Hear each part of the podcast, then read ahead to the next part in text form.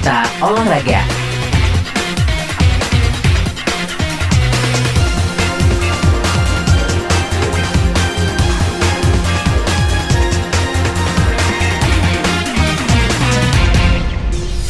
Selamat sore sahabat sonora saya Juni Putra untuk berita olahraga.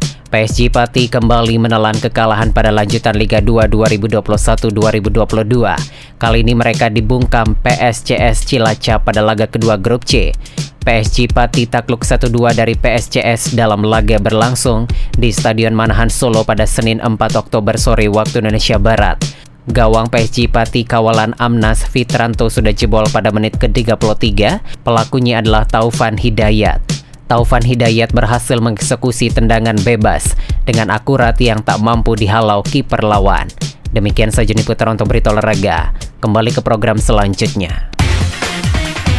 Berita olahraga.